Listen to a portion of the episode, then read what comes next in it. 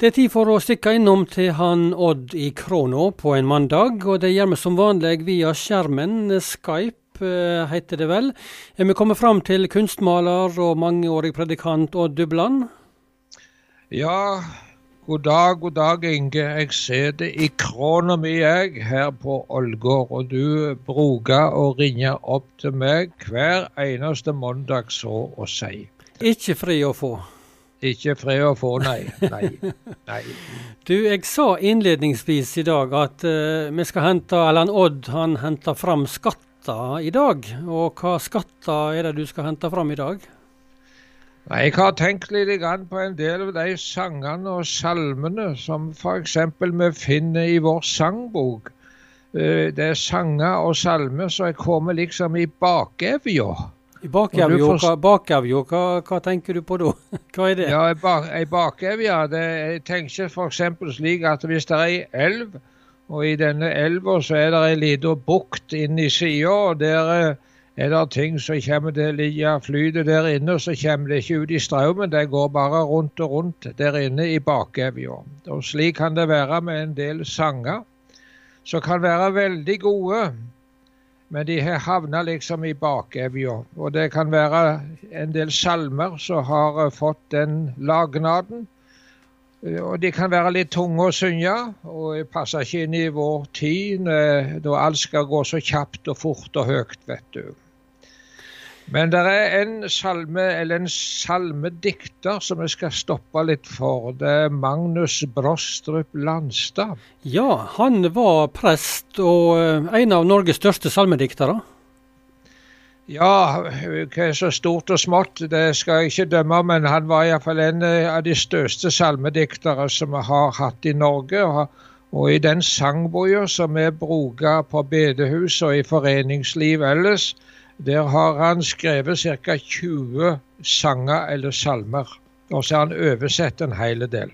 Du, eh, Magnus Brostrup Landstad han var født altså eh, tidlig på 1800-tallet, han. I, i 1802, eh, på Nordkapp faktisk.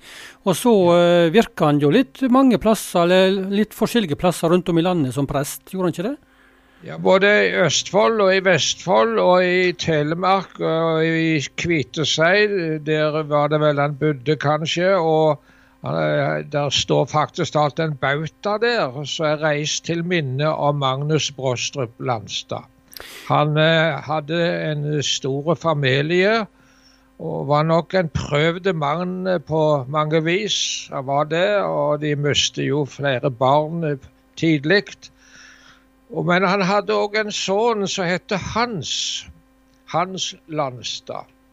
Og han var faktisk talt eh, prest eh, i Hå på Jæren for lenge, lenge siden. Og Hå prestegard den eh, ligger attmed utløpet av Hå-elva. Og der har det vært et laksefiske i alle år. Og der har også, De har også drevet med å hente perler i elva. Det er slike muslinger. Perleprestene ble det kalt, de som bodde på Hå, bl.a. Jaha.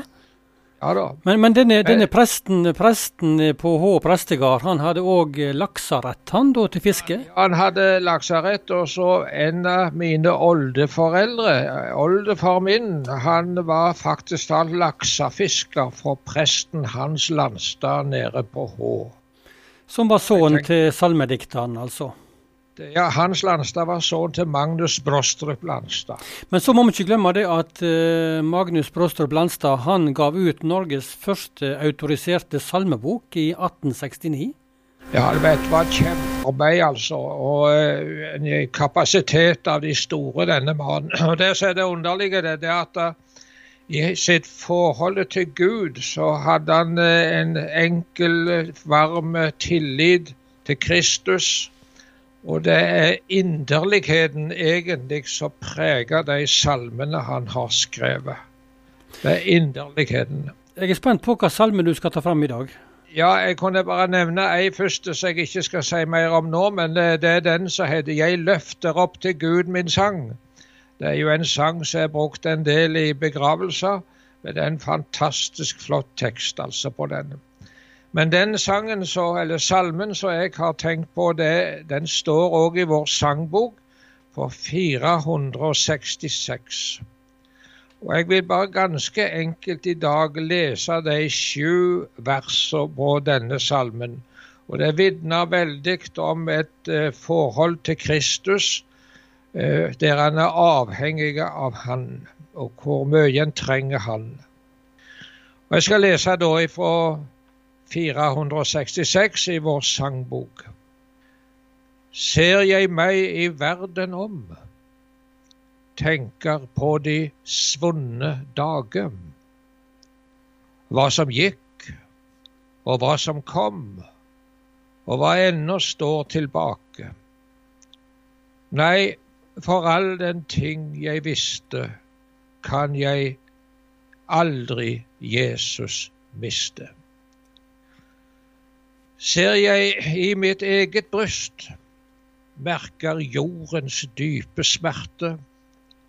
Strid, forvirring, onde lyst, kjenner dommen i mitt hjerte. Når jeg så i gråt må briste, hvordan kan jeg Jesus miste? Strider jeg den gode strid, vandrer jeg på stier trange. Rettsomt mørk er mangen tid, sjelen tung og trett og bange. Onde makter vil meg friste. Hvordan kan jeg Jesus miste? Svak er ofte troens makt, kjærlighetens altfor ringe.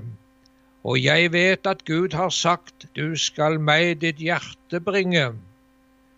Verden vil det til seg vriste. Hvordan kan jeg Jesus miste? Ved en åpen grav jeg står, er blant sørgende til stede.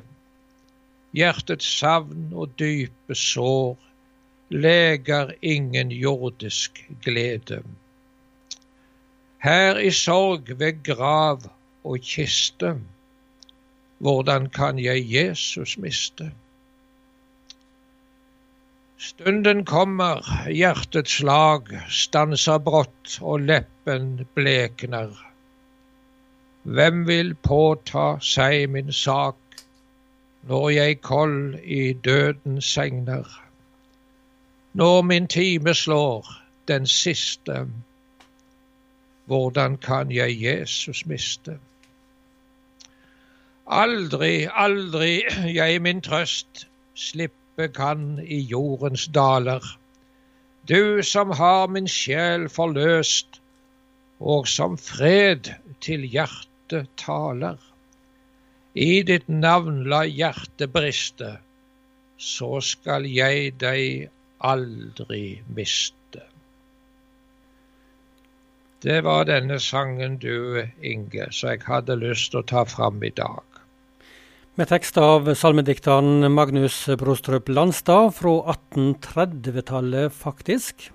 Ja. Da sier vi takk for praten i dag med han Odd i Kråna, kunstneren og forkynneren Odd Dubland med oss på mandagen her i God hverdag.